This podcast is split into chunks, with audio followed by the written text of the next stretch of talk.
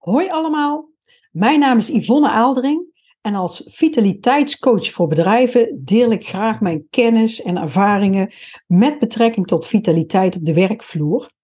Nou, en uh, mijn thema's die ik uh, in mijn podcast of uh, filmpjes behandel, die komen eigenlijk heel vaak voort uit de praktijk. En zo ook dit thema van vandaag, want dat heeft weer alles te maken met verzuim. En um, ja, ik maak dus regelmatig ook mee op een, uh, hè, uh, bij bedrijven waar ik kom, waar ik mensen coach, dat er werknemers zijn die zeggen van nou, ik, uh, ik word gepest of um, ja, ik voel me een beetje geïntimideerd door mijn leidinggevende. Nou, en daar wil ik het eigenlijk vandaag over hebben. Want weet jij wat de grootste beroepsziekte in Nederland is? Dat is psychosociale arbeidsbelasting. Ja, en dan denk je, wat is dat nou weer voor een woord? Wat is psychosociale arbeidsbelasting? Hè? Wat houdt dat in?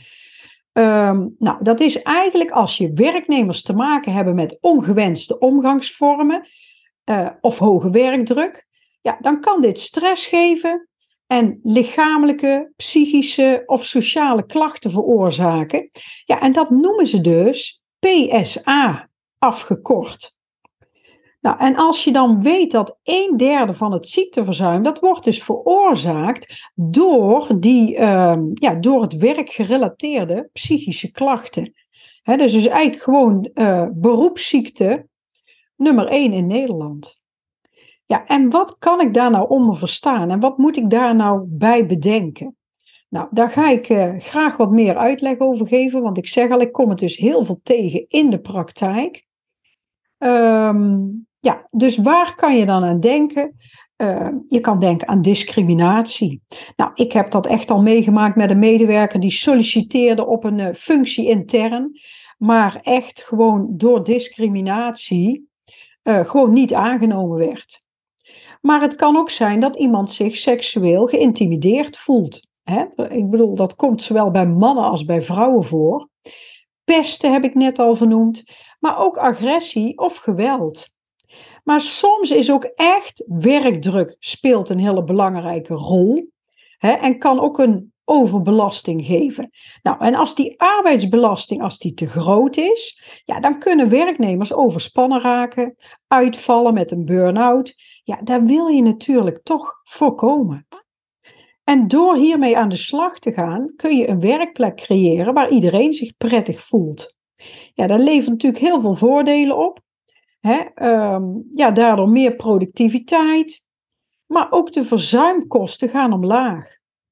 Nou, en wist je dat je als werkgever ben je ook wettelijk verplicht om grensoverschrijdend gedrag en werkdruk om dat aan te pakken. Dus wat is er dan eigenlijk heel belangrijk? Ja, dat je de risico's, dat je die beperkt. En de PSA, dus die psychosociale arbeidsbelasting, dat is ook echt in de, arbeid, in de Arbowet beschreven. En uh, het is ook een, eh, een, verplichting, of je nu een groot of een, klein bedrijf hebt. Jij bent gebonden aan de Arbowet. En volgens deze wet moeten jouw werknemers, een, die moet jij een veilige werkomgeving bieden. En dan gaat het echt niet alleen maar over uh, fysieke veiligheid, Nee, in de Arbowet staat ook dat je aandacht moet hebben voor uh, psychosociale arbeidsbelasting. Ja, en wat zijn nou eigenlijk de thema's die daarbij horen en waar moet je dan beleid voor hebben? Nou, dat zijn eigenlijk vier thema's. Discriminatie. En daar valt dan eigenlijk ook uh, seksuele intimidatie onder. Hè? Agressie en geweld. Pesten en werkdruk. En hoe kan je nou die Arbowet, die PSA, die Arbowet, hoe kan je dat nou het beste toepassen? Nou, wat daarbij heel belangrijk is, is dat je dus uh, binnen je eigen Arbo-beleid moet je dus echt omschrijven hoe dat jij deze vier onderdelen van psychosociale arbeidsbelasting, hoe dat jij die wil voorkomen en zoveel mogelijk beperken. Vooral als dit een risico vormt binnen je bedrijf, moet je echt aandacht besteden aan ja, specifieke thema's. Ja, en dan is het natuurlijk ook de bedoeling dat je uiteindelijk als bedrijf dat beleid ook uitvoert. Nou, daar ga ik uh, ook wat meer uitleg over geven wat dat dan precies inhoudt. maar in die Arbo-wet, in, die, in dat Arbo-besluit, daar staat ook over wat voor verplichtingen je dan hebt. en zo moet je bijvoorbeeld alle risico's op dit gebied, die moet je benoemen in een RIE. Dat is eigenlijk een risico, inventarisatie en evaluatie. Dus dan ga je echt omschrijven welke risico's binnen jouw bedrijf hè, uh, jij loopt. Nou, maar het betekent niet dat je alleen maar als werkgever hierin uh, een bepaalde mate van verantwoordelijkheid hebt. Natuurlijk hebben werknemers ook een deel van de verantwoordelijkheid. Iedere werknemer is verplicht om naar zijn eigen vermogen te zorgen voor zijn eigen veiligheid, maar ook over de voor de veiligheid en de gezondheid van ja, allerlei andere betrokkenen, hè, collega's, klanten, noem maar op. Hè, dat staat ook echt beschreven in de Arbowet, artikel 11. En, maar daar horen dus ook die aspecten bij van die psychosociale arbeidsbelasting, zoals pesten, discriminatie en seksuele intimidatie. Ook daarin heeft een werknemer heeft een uh, verantwoordelijkheid. Want samen zorg je voor een prettige omgeving. Nou, en hoe kan je nou het beste dat uh, beleid maken? Want een PSA-beleid maken is dus echt verplicht. Maar hoe bepaal je nou een goed beleid? Nou, daarvoor is het eigenlijk gewoon heel belangrijk om een plan te schrijven, een plan van aanpak voor elke vorm van PSA. En dan beschrijf jij hoe jij ongewenst gedrag wil voorkomen en de werkdruk wil beperken. Nou, je kan zo'n PSA-beleid kan je ook opstellen in samenwerking met een deskundige. Hè? Je kan bijvoorbeeld bij je arbodienst daarnaar vragen. Hè, die hebben vaak allerlei tools en voorbeelden hoe dat je zo'n PSA-beleid maakt.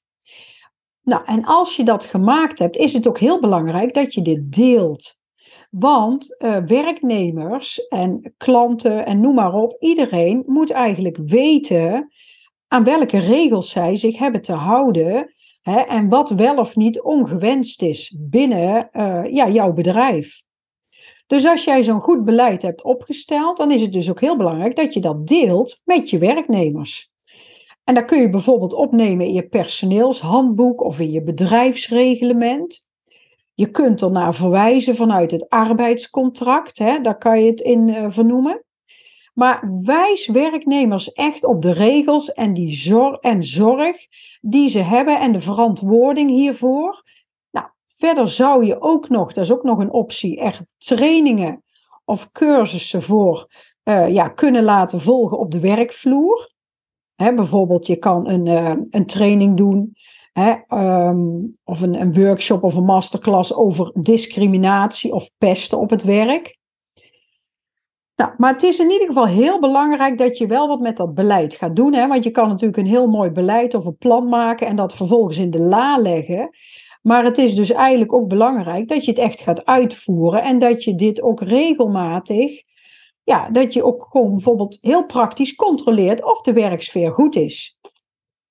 En dat kan je doen door bijvoorbeeld ernaar te vragen in functioneringsgesprekken, of als je medewerkers spreekt, of als je iets bemerkt. Hè, hoe dat een medewerker de sfeer ervaart. Hè, of er dingen opvallen, of men verbetering ziet op een bepaald vlak. En vraag ook aan je werknemers om misstanden, om die direct te melden. En de ene medewerker zal daar makkelijker en opener over praten en mee omgaan dan een ander. En voor sommigen is het ook heel lastig om het te delen. En dat is natuurlijk ook heel begrijpelijk, hè? want daar, daar zit natuurlijk ook een bepaalde gevoeligheid aan. Hè? Want als jij iets meldt, zou het ook tegen je kunnen werken of zou het misschien wel je baan kunnen kosten. Die angst kan er zijn bij een medewerker. En dan kan het bijvoorbeeld ook heel goed zijn om te werken met een preventiemedewerker of met een vertrouwenspersoon. Hè? Dat die een oogje in het zeil houden en dat die bijvoorbeeld beschikbaar zijn um, ja, voor dit soort gevoelige dingen. Maar check in ieder geval regelmatig of jouw PSA-beleid, of dat dat nog uh, ja, kloppend is, of dat het. Um, hè, en deel het ook echt elke keer opnieuw met je medewerkers, met nieuwe medewerkers. Nou, ik zei net al, je kan ook een vertrouwenspersoon aanstellen, hè? want ehm, sommige dingen liggen uitermate gevoelig. En ehm, ja, die, voor een medewerker kan het heel lastig zijn om dit te delen met een leidinggevende. Of die leidinggevende kan misschien wel degene zijn waardoor die persoon zich geïntimideerd voelt of uh, onjuist bejegend. Nou, dan kan je dus een vertrouwenspersoon aanstellen. Dat is een heel belangrijk onderdeel van het PSA-beleid. En, uh, want ja, ik zeg al, het zijn vaak gevoelige onderwerpen. Hè? Zeker als het bijvoorbeeld gaat ook om seksuele intimidatie. Nou, en een professional, zo'n vertrouwenspersoon, die kan dan dit soort gesprekken voeren op de juiste manier. Nou, wat je verder nog kan doen, is je kan ook werken met een gedragscode. Um, en een gedragscode, dat is eigenlijk gewoon, dat zijn gedragsregels voor alle werknemers van een bedrijf. En daar leg je eigenlijk in vast uh, wat jij verwacht dat jouw werknemers, hoe die omgaan met collega's, met klanten, ja, met eigendommen van het bedrijf. Hè? Dat mensen ook weten van, ja, wat kan wel, wat kan niet. En dat geeft heel veel duidelijkheid. En dat voorkomt ook dat dingen misgaan. Want um, als je dingen beschrijft, um, ja, dan weten mensen ook eerder uh, waar ze zich aan te houden hebben. En dat betekent niet dat er dan dat niet overschreden wordt, maar goed, daar kan je natuurlijk dan ook weer op handelen. Nou, verder is het belangrijk om te zorgen dat je een, bijvoorbeeld een klachtenregeling hebt. En uh, een klachtencommissie. Hè? Want wat doe je als er een klacht binnenkomt bij je bedrijf? ja, zorg dat je daar op een professionele manier mee omgaat. Wat je verder nog kan doen is uh, incidenten registreren.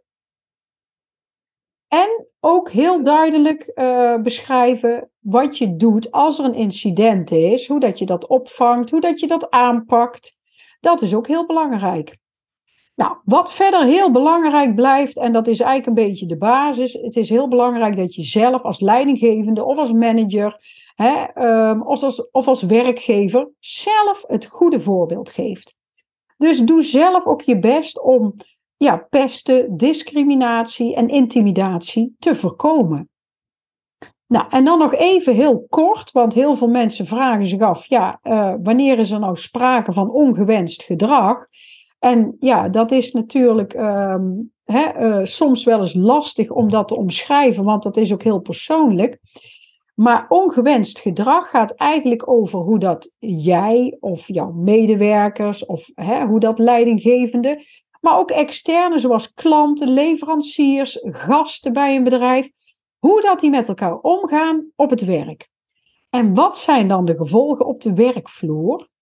Nou, hè, en dan moet je denken aan um, ongewenst gedrag kan zijn hè, agressie, pesten, discriminatie, seksuele intimidatie.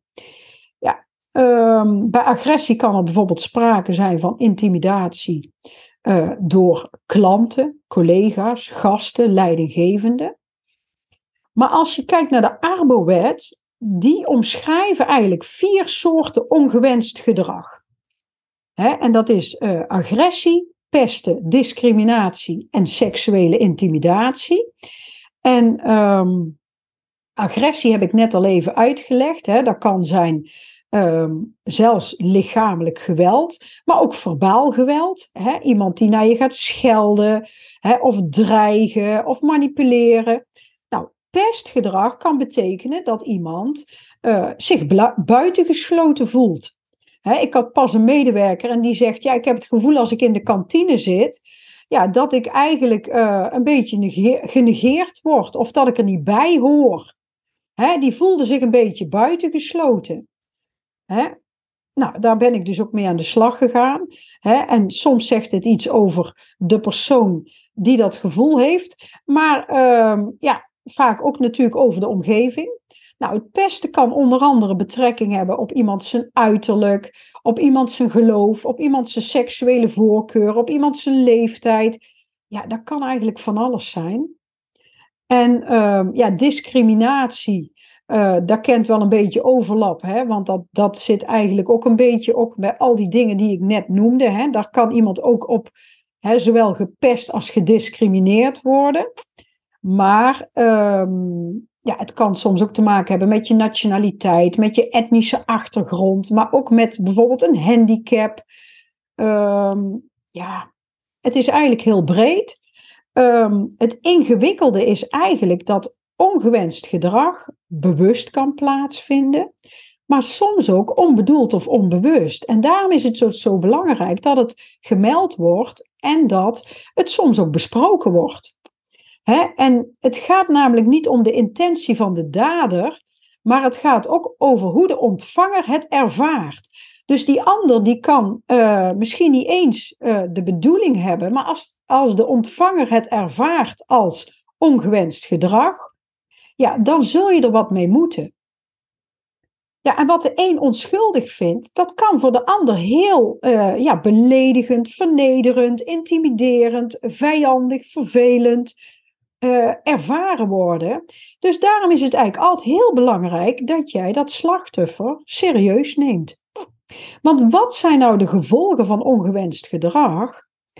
Zowel slachtoffers als een werkgever hebben te maken met de negatieve uh, gevolgen ja, van ongewenste omgangsvormen op het werk. En ongewenst gedrag is een vorm van psychosociale arbeidsbelasting. Ja, en ja, dat is eigenlijk al jaren een van de belangrijkste arbeidsrisico's. En slachtoffers kunnen ziek worden, langdurig ziek, door stress of depressieve gevoelens. Ja, en vaak zijn deze werknemers al minder productief geworden voordat ze zich ziek melden. Dus um, dat is al een verlies voor het bedrijf, voor de werkgever want dan zie je in het begin zie je dat er misschien in eerste instantie concentratieverlies is, uh, slaaptekort. Nou, dus dan is iemand al niet meer optimaal in vorm. Ja, en als iemand zich ziek meldt, ja, dan heb je nog meer um, um, eigenlijk kosten daardoor. Dus eigenlijk een beetje kort resumerend is het dus eigenlijk heel belangrijk om dat verzuim door psychosociale arbeidsrisico's om dat te verlagen. En uh, om het aan te pakken, want je kan dus verzuim voorkomen hierin. Want heel vaak mondt dit uit in langdurig verzuim. Ja, en dat is gewoon heel vervelend, zowel voor de werknemer, maar ook voor jou als bedrijf. En uiteindelijk kan dit soort verzuim kan heel veel tijd en geld kosten. Want een zieke medewerker moet je al gauw twee jaar uh, zijn loon doorbetalen. En daarnaast moet je zorgen voor professionele verzuimbegeleiding, reïntegratie, mogelijk vervanging. Nou, tel maar uit, je bent al gauw echt um, ja, een ton kwijt aan een zieke medewerker die twee jaar in het verzuim zit. Hè? En dan is het eigenlijk zonde, want soms kan je dingen echt voorkomen en kan je ze vroegtijdig aanpakken of uh, ja, de kop indrukken. Nou, ik hoop dat dit weer wat uh, inzichten gegeven heeft in uh, verzuim. En wat er met verzuim ja, te maken heeft. Hè, dit is echt een hele aparte tak en die wordt vaak onderschat. Heel vaak richt men zich veel eerder op fysiek verzuim.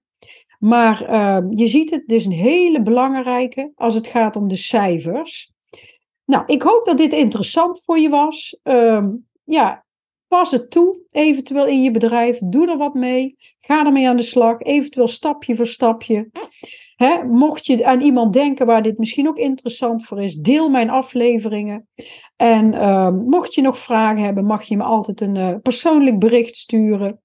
En ehm, kijk ook even op mijn website www.ivofit.nl. En uh, graag tot een uh, volgende keer.